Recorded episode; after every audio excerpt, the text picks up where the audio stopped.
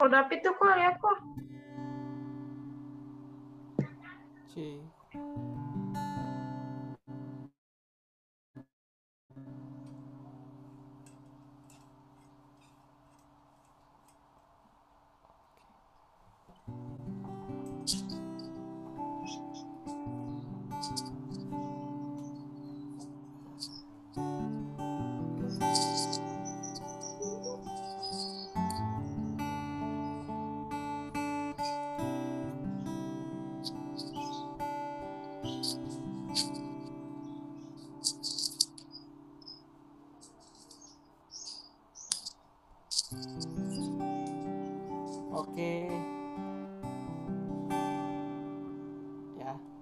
Teman-teman semua. Kita bersyukur hari ini kita boleh kembali beribadah bersama-sama via via Zoom dan juga YouTube. Kita bersyukur punya Tuhan yang besar, punya Tuhan yang selalu ada bersama-sama dengan kita. Amin. Kita mau mulai ibadah kita pada siang hari ini. Mari teman-teman di mana pun teman-teman berada kita mau memberikan waktu yang terbaik, siapkan tempat yang terbaik, siapkan hati untuk kita sama-sama menyembah Tuhan, meninggikan Tuhan, mengagungkan Tuhan. Haleluya. Mari kita berdoa. Bapak yang baik, terima kasih Tuhan buat siang hari ini. Segala berkat yang Tuhan berikan dalam hidup kami, nafas kehidupan yang Tuhan berikan dalam hidup kami. Terima kasih di mana kami bisa bersama-sama untuk sebentar kami mau menyembah Tuhan, meninggikan Tuhan. Kami mau Tuhan mendengarkan suaramu. Roh Kudusmu Tuhan hadir bersama-sama dengan kami. Roh Kudusmu Tuhan yang menjamah setiap kami. Roh Kudusmu Tuhan memenuhi setiap kami Tuhan. Terima kasih Bapak yang baik. Kami mau menyembah Tuhan pada siang hari ini. Memberikan yang terbaik buat Tuhan. Haleluya. Mari sembah dia Jesus, Haleluya. Oh. Mari teman-teman Kita mau menyembah Tuhan pada siang hari ini. Kalau teman-teman bersedia Teman-teman boleh buka kamera teman-teman Supaya kita sama-sama menyembah Tuhan meninggikan Tuhan. Kita bisa saling mendoakan juga satu sama lain pada siang hari ini teman-teman boleh buka kamera teman-teman open cam. Yuk teman-teman yuk kita mau menyembah Tuhan hari ini. Kita mau meninggikan dia hari ini. Haleluya Jesus. Katakan Bapak engkau mengenalku lebih dari siapa pun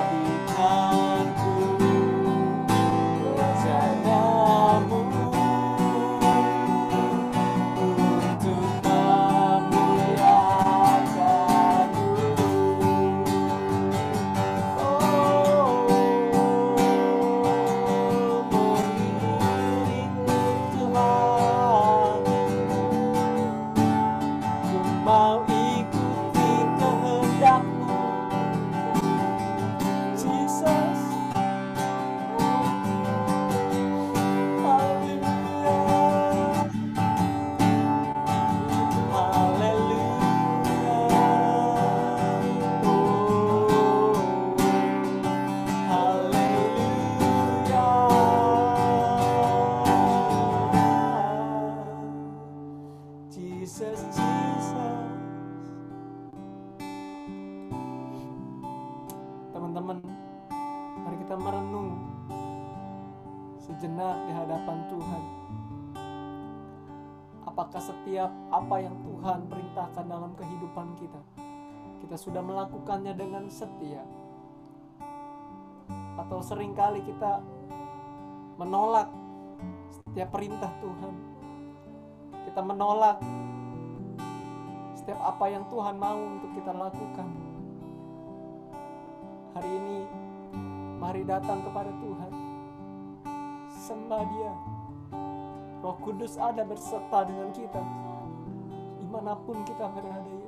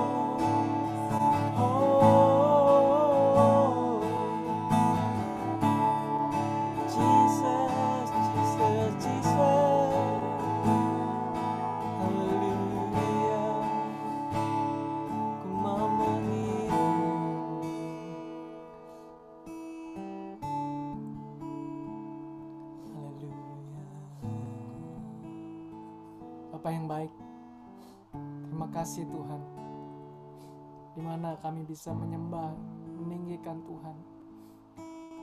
Kami merasakan hadirat-Mu Tuhan. Merasakan jamahan-Mu Tuhan. Kami diingatkan kembali Tuhan. kami dapat terus ada di dalam jalanmu Tuhan. Setiap panggilanmu dalam kehidupan kami. Bapak yang baik sebentar kami akan mendengarkan firman Tuhan.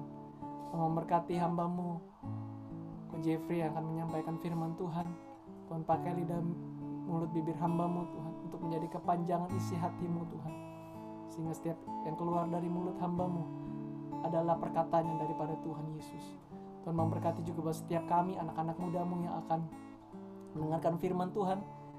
Kiranya kami dapat memiliki sikap hati, pikiran yang tepat, yang benar di hadapan Tuhan dan kami bisa menerima berkat firman Tuhan pada siang hari ini. Terima kasih Bapak yang baik, kami siap untuk mendengarkan firman Tuhan dan kami kembalikan segala hormat kemuliaan hanya bagi Allah di tempat yang tinggi. Setiap anak-anak muda yang siap untuk mendengarkan firman Tuhan sama-sama dengan saya katakan amin amin.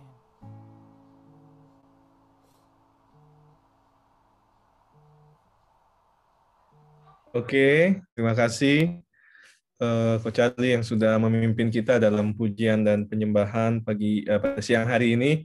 Tadi firman Tuhan sudah didoakan juga, jadi kita akan langsung uh, belajar kebenaran firman Tuhan siang hari ini. Ntar saya akan share dulu buat PowerPoint-nya. Oke, uh, saya ucapkan selamat siang teman-teman youth yang diberkati Tuhan. Shalom. Puji Tuhan, siang hari ini kita bisa bertemu kembali atau bergabung kembali dalam ibadah online Youth Blessing ini yang pertama ya di bulan Agustus, ini minggu yang pertama di bulan Agustus. Tidak terasa bahwa kita sudah memasuki bulan ke-8 di tahun 2021 ini. Itu artinya empat bulan lagi kita akan meninggalkan tahun 2021. Dan sampai hari ini kita masih hidup dalam eh, bayang-bayang pandemi COVID-19. Ya, sampai ibadah pun kita antar offline, antar online ya. Berdoa saudara supaya tahun depan bangsa kita boleh keluar dari pandemi ini sehingga kita bisa beribadah dengan normal kembali di gereja. Amin. Ya, saya yakin kita semua uh, lebih suka, lebih senang untuk bisa mengikuti ibadah secara offline di gereja. Tapi bukan berarti kita uh, mengabaikan ibadah online yang dalam beberapa minggu ini kita sedang jalani oleh karena kita terbentur dengan PPKM dari pemerintah, tetap antusias, ya, tetap semangat, tetap hormati uh, kehadiran Tuhan dalam ibadah online ini di rumah teman masing-masing. Nah, judul khotbah saya siang hari ini adalah Don't be deny, ya, atau jangan menyangkal, jangan mengingkari, ya masih ingat teman-teman dengan khotbah Yud beberapa bulan lalu yang disampaikan oleh Mas Dedi bahwa salah satu tujuan manusia, eh, salah satu tujuan Allah menciptakan manusia adalah untuk melayani A, melayani Allah. Masih ingat?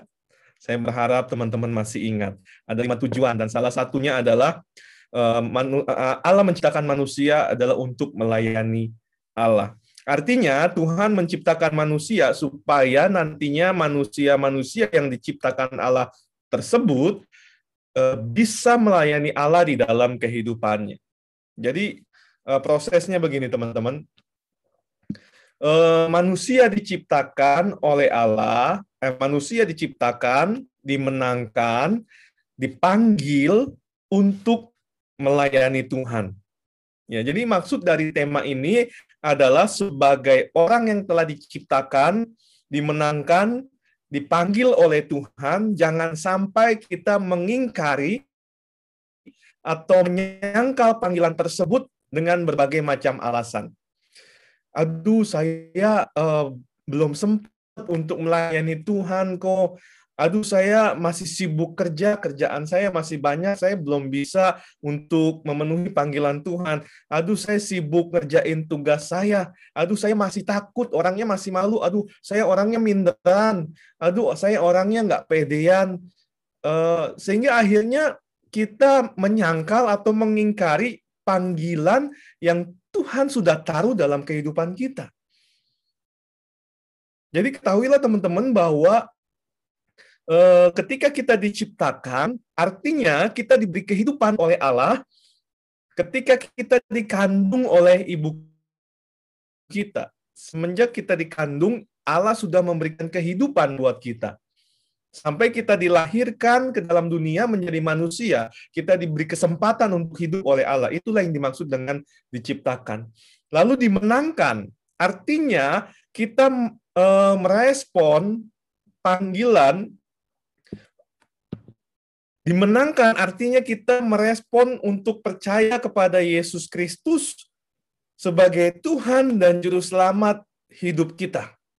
Ada yang percaya kepada Yesus Kristus karena pemberitaan Injil dari guru sekolah minggu. Ada yang percaya kepada Yesus Kristus karena orang tuanya yang mengajarkan firman Tuhan. Ada yang percaya kepada Tuhan Yesus Kristus karena dengar khotbah dari pendeta. Ada yang percaya kepada Tuhan Yesus Kristus karena dengar khotbah, dengar kesaksian di YouTube atau di Instagram. Nah, itulah yang disebut dengan dimenangkan. Ketika kita merespon untuk percaya kepada Yesus Kristus sebagai Tuhan dan Juru Selamat kehidupan kita.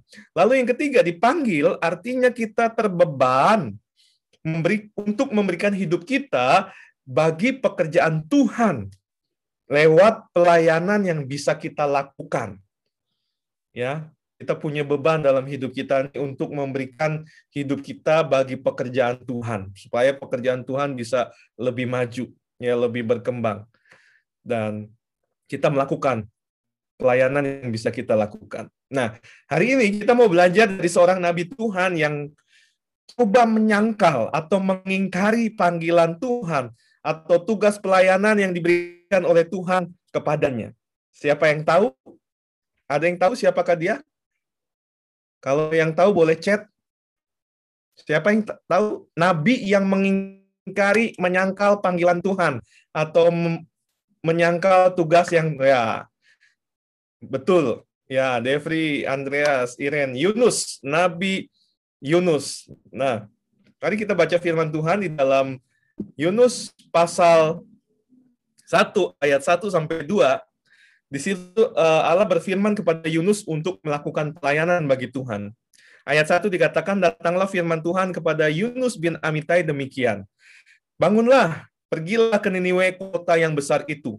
Berserulah terhadap mereka, karena kejahatannya telah sampai kepadaku.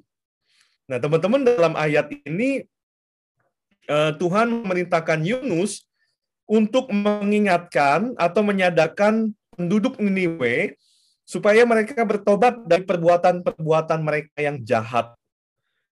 Tetapi apa yang terjadi? Yunus malah mengingkari perintah Tuhan tersebut dan melarikan diri. Di dalam ayat yang ketiga dicatat, tetapi Yunus bersiap untuk melarikan diri ke Tarsis jauh dari hadapan Tuhan. Ia pergi ke Yafo dan mendapat di sana sebuah kapal yang akan berangkat ke Tarsis. Ia membayar biaya perjalanannya, lalu naik kapal itu untuk berlayar bersama-sama dengan mereka ke Tarsis, jauh dari hadapan Tuhan. Nah, jadi bukannya melakukan tugas pelayanan yang diperintahkan Allah, tetapi Yunus malah kabur, malah menghindar, malah mengingkari tugas pelayanan tersebut. Dia coba melarikan diri ke Tarsis. Harusnya di Niniwe dia pergi ke Tarsis. Tetapi bukan Tuhan namanya kalau dia bisa diakalin oleh Yunus. Kalau bahasa kitanya dikadalin ya. Yunus coba ngadalin Tuhan. Ini coba mengelabui Tuhan, dia melarikan diri, dia pikir dia udah aman. Tapi di dalam ayat 4 sampai ayat 7 diceritakan demikian. Tetapi Tuhan menurunkan angin ribut ke laut, lalu terjadilah badai besar sehingga kapal itu hampir-hampir terpukul hancur. Awak kapal menjadi takut, masing-masing berteriak-teriak kepada ilahnya dan mereka membuang ke dalam laut segala muatan kapal itu untuk meringankannya. Tetapi Yunus telah turun ke dalam ruang kapal yang paling bawah dan berbaring di situ. Lalu tertidur dengan nyenyak. Ya, luar biasa ya. Di tengah badai ombak, dia bisa tidur dengan nyenyak.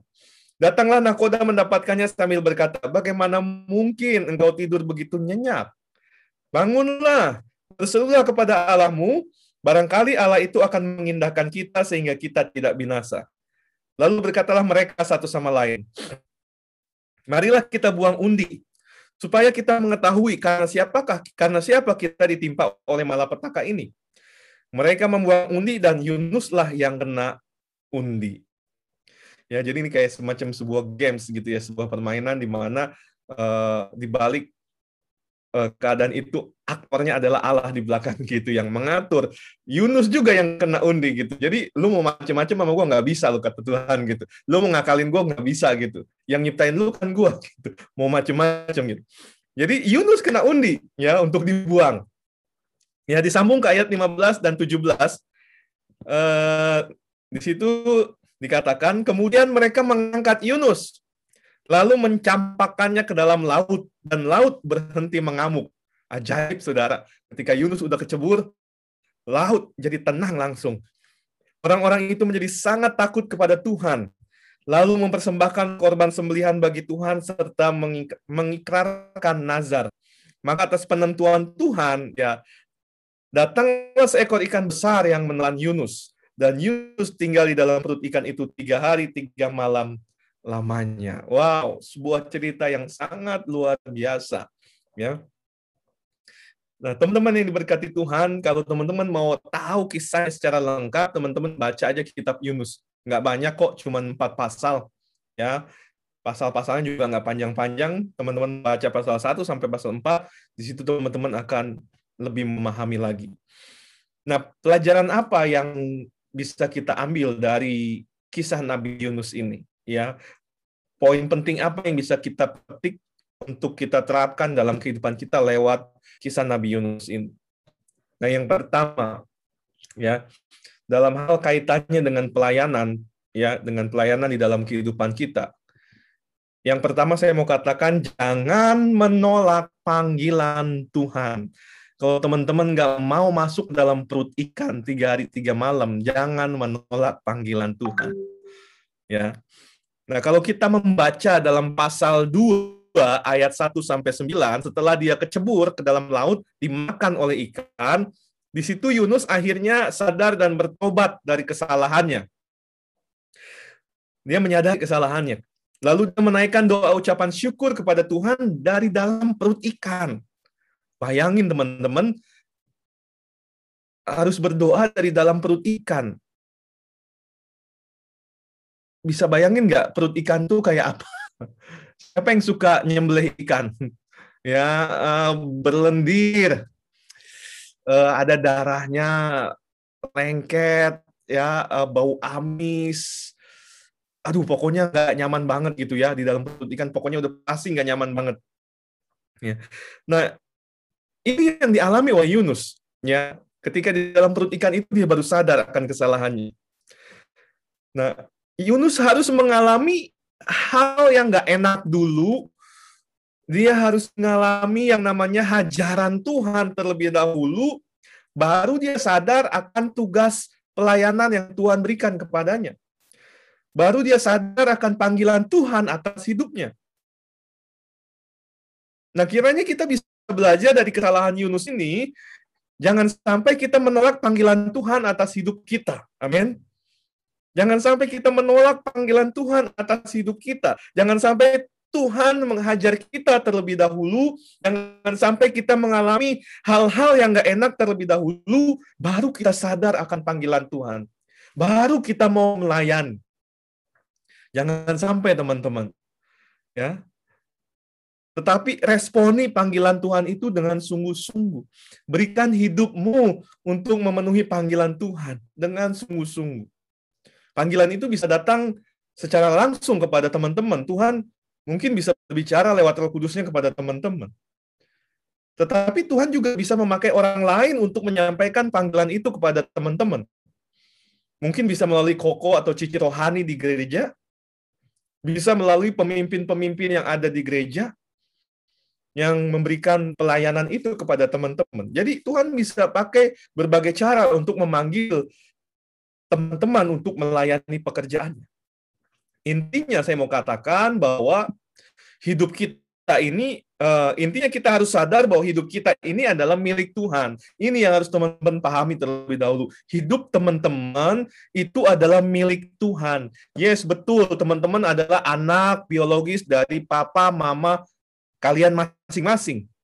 Tapi sesungguhnya hidup kalian adalah milik Tuhan karena Tuhan yang memberikan hidup, Tuhan yang menciptakan kalian.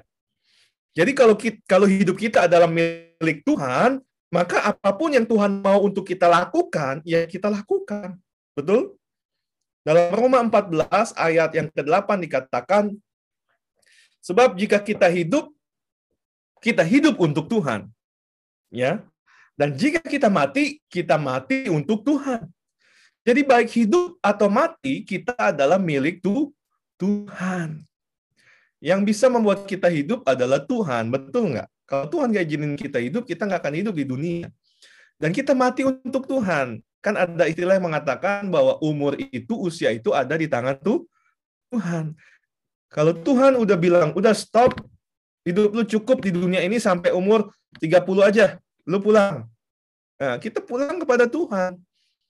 Kita kembali kepada pencipta kita. Jadi baik hidup atau mati, kita adalah milik tuh Tuhan. Oleh sebab itu, berikanlah hidup kita ini untuk Tuhan. Nah, ayat ini, Roma 14 ayat 8 ini menjelaskan bahwa Allah adalah satu-satunya pemilik hidup kita, baik dunia atau akhirat yang absolut. Pemilik yang absolut, artinya yang mutlak, yang memiliki hidup kita sepenuhnya, yang memiliki hidup kita yang tidak terbatas. Ya, tidak ada yang bisa mengganggu mengganggu gugat kepemilikan Allah atas hidup kita.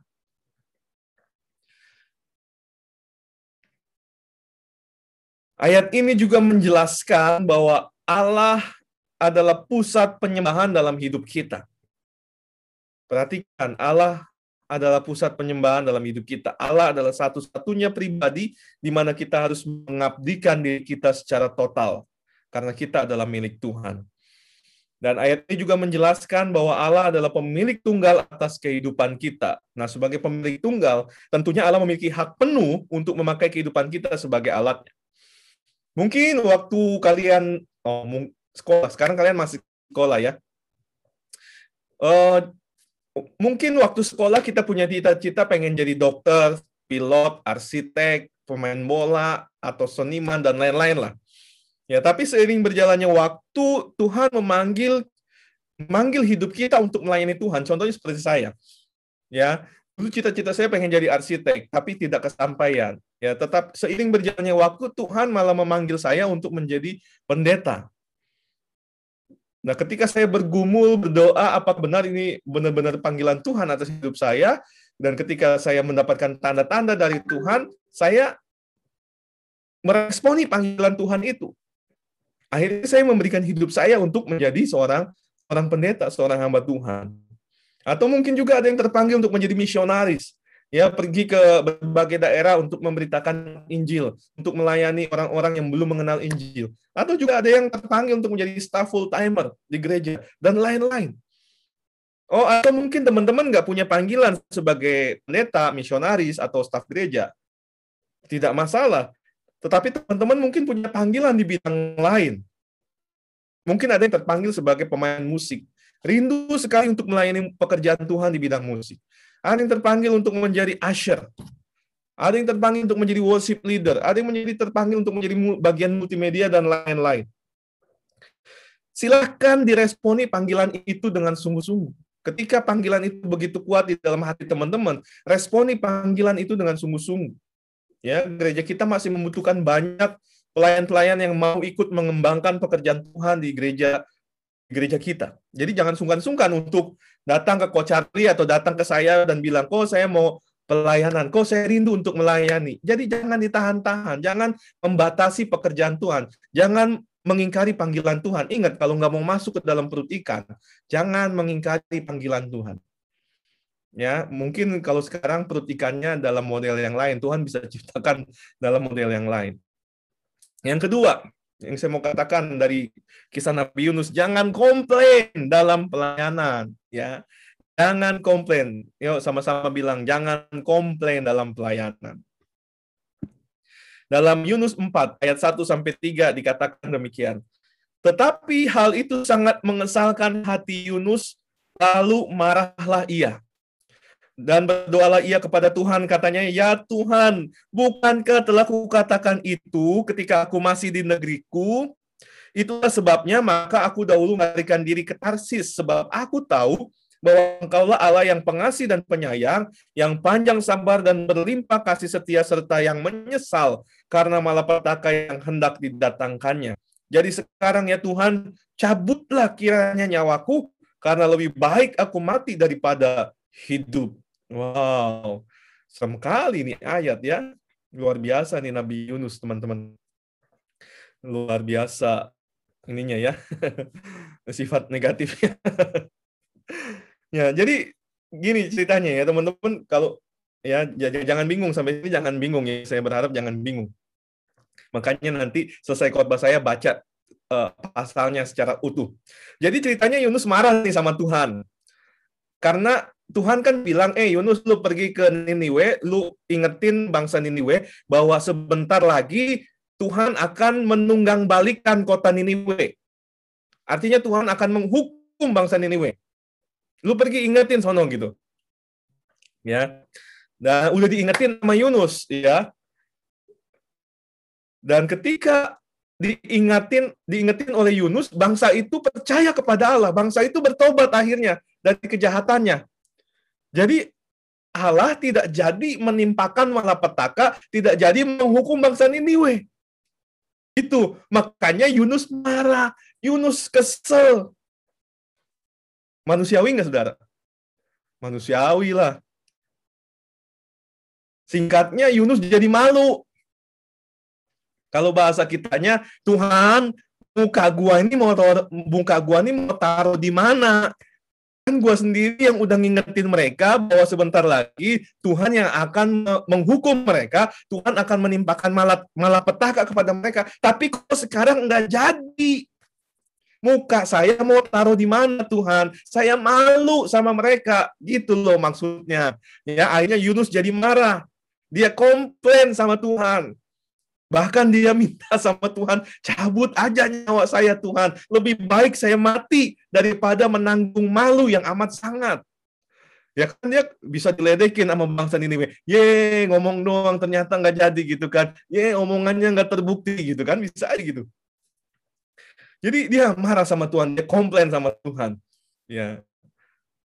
Nah, poin kedua ini jangan komplain sama Tuhan. Ini yang bisa kita petik dari kehidupan Yunus. Nah, teman-teman sadarilah bahwa di dalam kita melakukan pelayanan, ingat di baik-baik, di dalam kita melakukan pelayanan, hasilnya kadang memang tidak sesuai kemauan kita. Ingat nih baik-baik, dalam kita melakukan pelayanan, hasilnya belum tentu sesuai dengan kemauan kita, belum tentu sesuai ekspektasi kita. Sepertinya kita sudah melakukan yang terbaik, tapi kok belum maksimal juga ya? Kok Tuhan nggak tolong ya? Sepertinya kita sudah, uh, sudah sungguh-sungguh memberikan semuanya, udah all out. Tapi kok masih gagal juga ya? Tuhan di mana? Tuhan kok nggak tolong gitu? Kita sudah berkorban waktu, tenaga, pikiran, bahkan uang kita juga habis buat pelayanan. Tapi kok hasilnya gitu-gitu aja? Kok kayaknya nggak ada hasil gitu? Aduh Tuhan, Tuhan di mana? Tuhan kok nggak berkati? Tuhan kok nggak tolong? Nah ini, kita harus paham bahwa ketika kita melayani Tuhan, yang ditinggikan bukan egonya kita. Bukan maunya kita. Tetapi nama Tuhanlah yang ditinggikan. Dalam melayani Tuhan bukan kehendak kita yang harus terjadi. Bukan kemauan kita yang harus terjadi, tetapi kehendak Tuhanlah yang harus terjadi. Ketika kita paham akan hal ini, maka kita tidak akan menjadi orang yang gampang komplain sama Tuhan.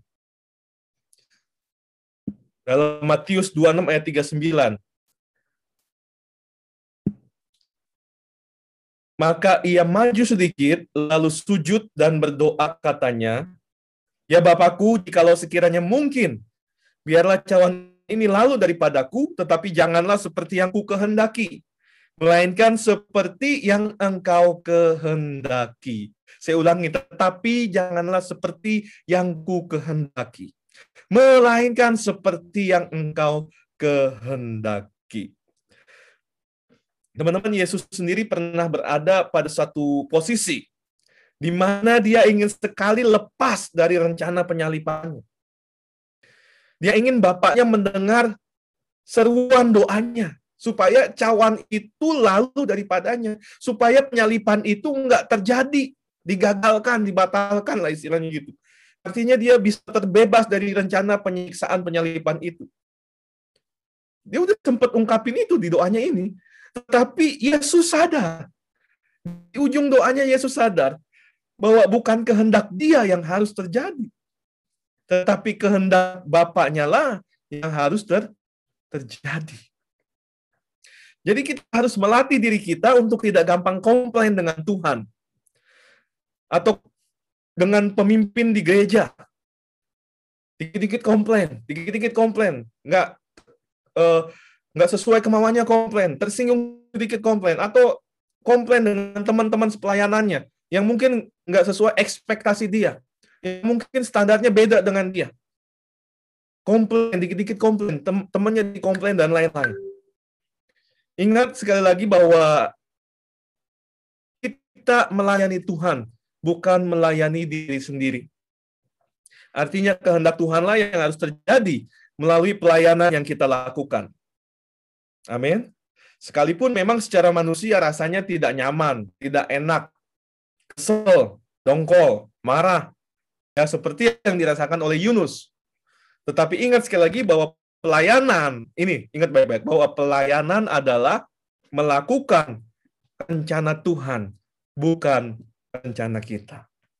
Yuk, yang ketiga, yang terakhir. Kamu habis bentar lagi. Jangan apa? Jangan gampang menyerah dalam pelayanan. Coba ngomong di rumah masing-masing, jangan gampang menyerah dalam pelayanan. Satu, dua, tiga. Jangan gampang menyerah dalam pelayanan. Amin. Dalam pasal 4 ayat 5 sampai 9 di situ dikatakan Yunus telah keluar meninggalkan kota itu dan tinggal di sebelah timurnya. Ia mendirikan di situ sebuah pondok dan ia duduk di bawah naungannya menantikan apa yang akan terjadi atas kota itu.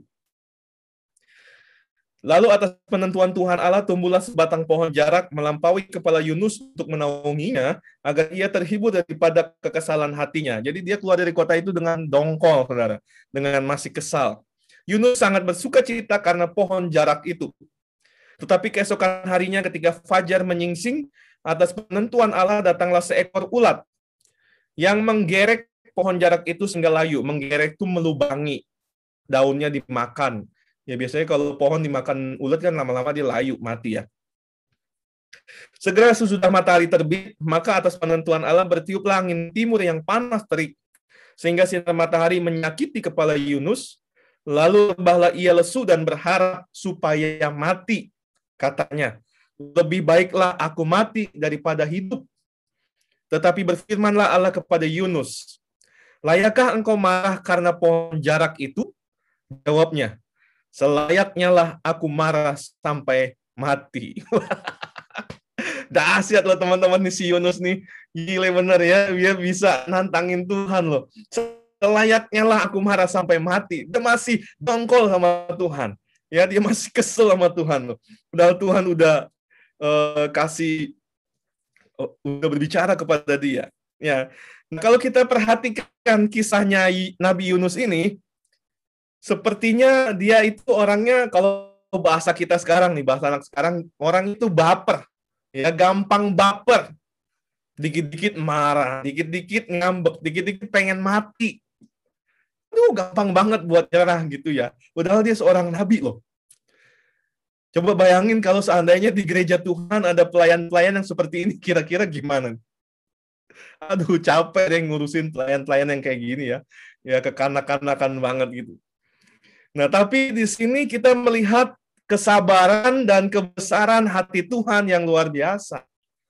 Dia tidak menghukum Yunus, dia nggak marah sama Yunus, Bahkan dia tetap mengasihi Yunus. Bahkan Tuhan menyampaikan firman-firman yang bisa menyadarkan Yunus.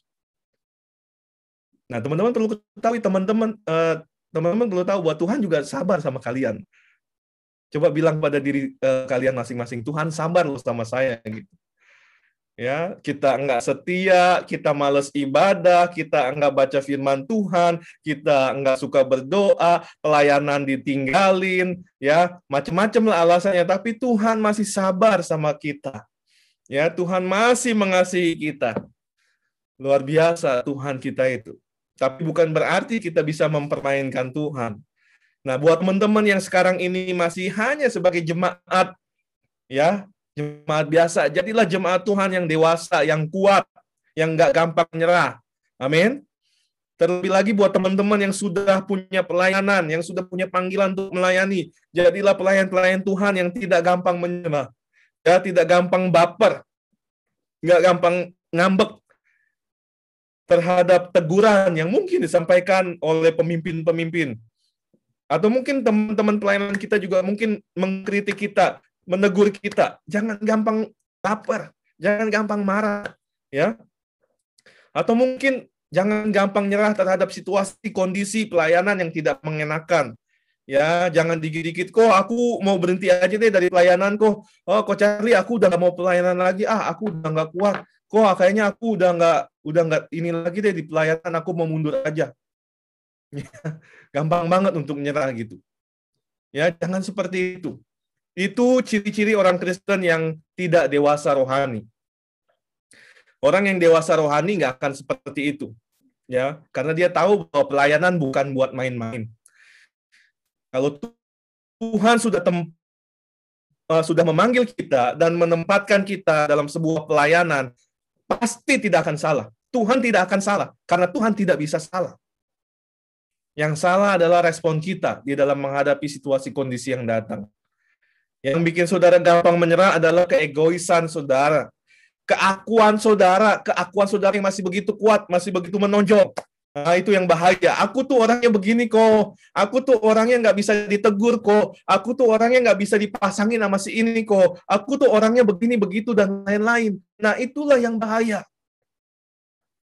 Itulah yang membuat saudara gampang menyerah dalam pelayanan. Karena keakuan kita masih begitu kuat. Oleh sebab itu, itu yang harus kita matikan. Jangan seperti Nabi Yunus ya. Dikit-dikit ngambek, dikit-dikit marah sama Tuhan. Sebab itu belajarlah menjadi manusia rohani yang dewasa. Dalam 1 Korintus 3 ayat 1 sampai 4 di situ Paulus mengajarkan tentang uh, manusia rohani yang dewasa. Dan aku saudara-saudara pada waktu itu tidak dapat berbicara kepada uh, dengan kamu seperti dengan manusia rohani, tetapi hanya dengan manusia duniawi yang belum dewasa dalam Kristus. Susulah yang kuberikan kepadamu bukanlah makanan keras, sebab kamu belum dapat menerimanya dan sekarang pun kamu belum dapat menerimanya, karena kamu masih manusia duniawi. Sebab jika di antara kamu ada iri hati dan perselisihan, bukankah hal itu menunjukkan bahwa kamu manusia duniawi dan bahwa kamu hidup secara manusiawi? Karena jika ada yang karena jika yang seorang berkata, aku dari golongan Paulus dan yang lain berkata, aku dari golongan Apolos, bukankah hal itu menunjukkan bahwa kamu manusia duniawi yang bukan rohani. Nah, jadi lewat ayat ini Tuhan mau lihat kehidupan para pelayanannya ya yang Tuhan mau lihat dari kehidupan para pelayannya adalah pertumbuhan rohani yang terus terjadi dari kehidupan kita. Kalau awal-awal kita kenal Tuhan Yesus, bisalah itu dikatakan kita sebagai bayi rohani. Tapi apakah kita mau terus-menerus hidup sebagai bayi rohani? Tentu kan enggak.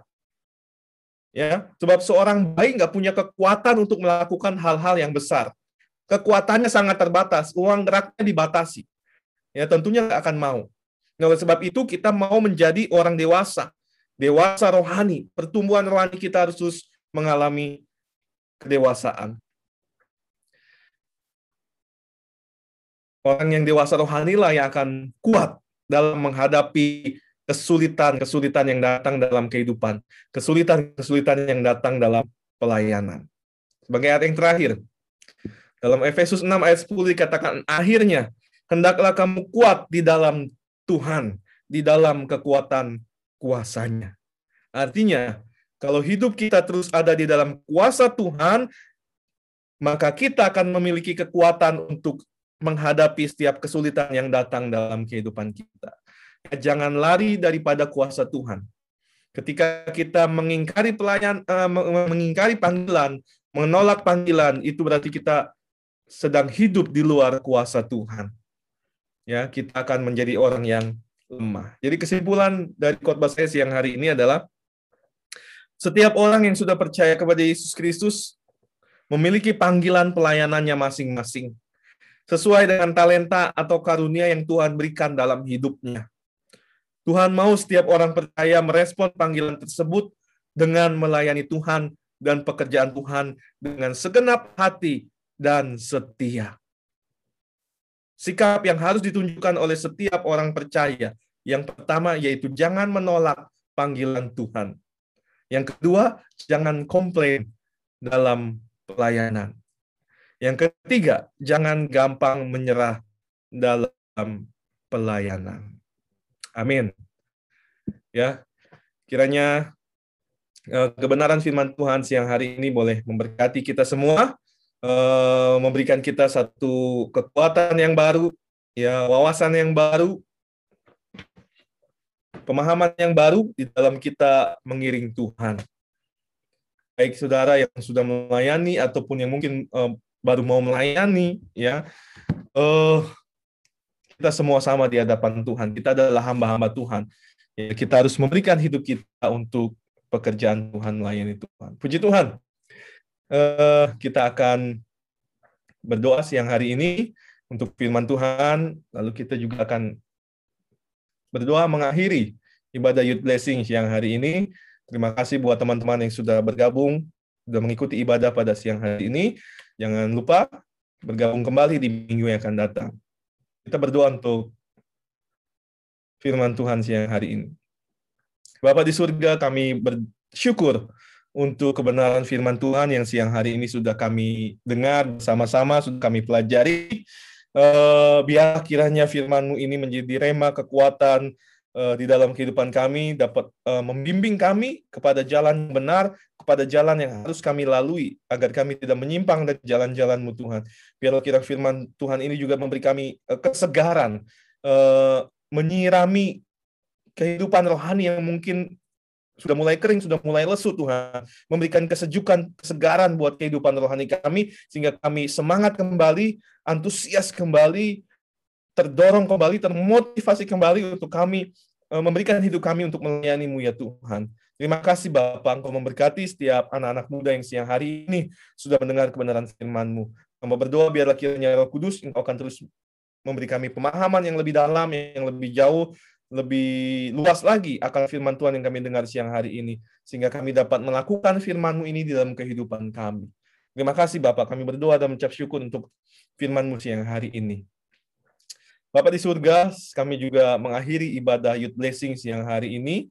Selesai sudah ibadah kami Tuhan, terima kasih atas pimpinanmu, mulai dari awal sampai dengan akhir ini, kami percaya kuasa Tuhan ada di dalam kehidupan kami masing-masing berkat Tuhan tercurah untuk kami yang mengikuti ibadah pada siang hari ini ya Bapak. Tuhan kami menyerahkan setiap anak-anak youth blessing seminggu ke depan ke dalam pimpinan tangan kuasamu, baik mereka yang sekolah atau kuliah online ataupun bekerja. Tuhan kiranya memberkati kehidupan mereka, menyertai kehidupan mereka ya Bapak. Pakai hidup mereka sebagai alatmu untuk memberitakan Injil atau kabar baik menjadi kesaksian bagi orang banyak, menjadi saluran berkat bagi orang lain ya Bapak. Terima kasih Tuhan. Kami juga berdoa Tuhan untuk bangsa dan negara kami. Kami terus mendukung pemerintah kami di dalam memimpin bangsa dan negara ini, khususnya dalam saat-saat ini mengatasi COVID-19, eh, mengatasi krisis ekonomi, mengatasi krisis krisis yang lain Tuhan yang terjadi akibat COVID-19 ini. Kami terus Berdoa buat mereka, biarlah kiranya hikmat, marifat, urapan daripada Tuhan, Engkau nyatakan buat pemerintah kami, buat pemimpin-pemimpin kami, supaya mereka dapat membawa bangsa kami boleh keluar dari pandemi ini dan dari krisis ini ya Tuhan. Sehingga ke depan bangsa kami boleh semakin lebih baik, kehidupan masyarakat di bangsa kami boleh semakin lebih baik lagi ya Tuhan. Terima kasih Bapak. Kami menutup ibadah Youth Blessing siang hari ini di dalam nama Tuhan Yesus Kristus. Haleluya. Amin. Teman-teman, angkatlah tanganmu dan terimalah berkat dari Allah Bapa di surga. Tuhan memberkati dan melindungi engkau. Tuhan menyinari engkau dengan wajahnya dan memberi engkau kasih karunia. Tuhan mengharapkan wajahnya kepadamu dan memberi engkau damai sejahtera. Tuhan akan mengangkat engkau menjadi kepala dan bukan ekor, engkau akan semakin naik dan bukan menjadi turun. Apabila engkau mendengarkan setiap firman yang disampaikan kepadamu pada hari ini, engkau lakukan dengan setia. Persekutuan Allah Bapa, Putra, dan Roh Kudus, serta cinta kasih dari Tuhan Yesus Kristus, nantiasa akan menyertai dan memimpin setiap langkah-langkah kehidupan kita, mulai dari saat ini sampai Maranatha. Tuhan Yesus datang kembali yang kedua, menjemput kita orang-orang percaya, masuk dalam pesta perjamuan anak domba. Setiap kita ini berkati dapat berkata, Amin. Amin. Terima kasih teman-teman, Tuhan memberkati. Thank you teman-teman semua. Boleh on cam. Saling menyapa satu sama lain. God bless. Masih all for Jesus kok Devri. Yuk foto-foto. Mau foto ya foto dulu. Blurnya nggak apa-apa biar. Oh nggak bisa ya nanya. Yo, yang lainnya nih yang belum dibuka camnya. Yang dibuka camnya nanti dapat dot press dari kode free. Meta. Alexa. Peli Peli. Feli. Arshel. Martin. Sampai mau manggil Tinus. Lupa. ya. Martin. Ya. Satu, dua, tiga. Oke. God bless. Itu ya. Live ya. Bye. Sehat-sehat selalu. Sampai ketemu. Bye. En ya.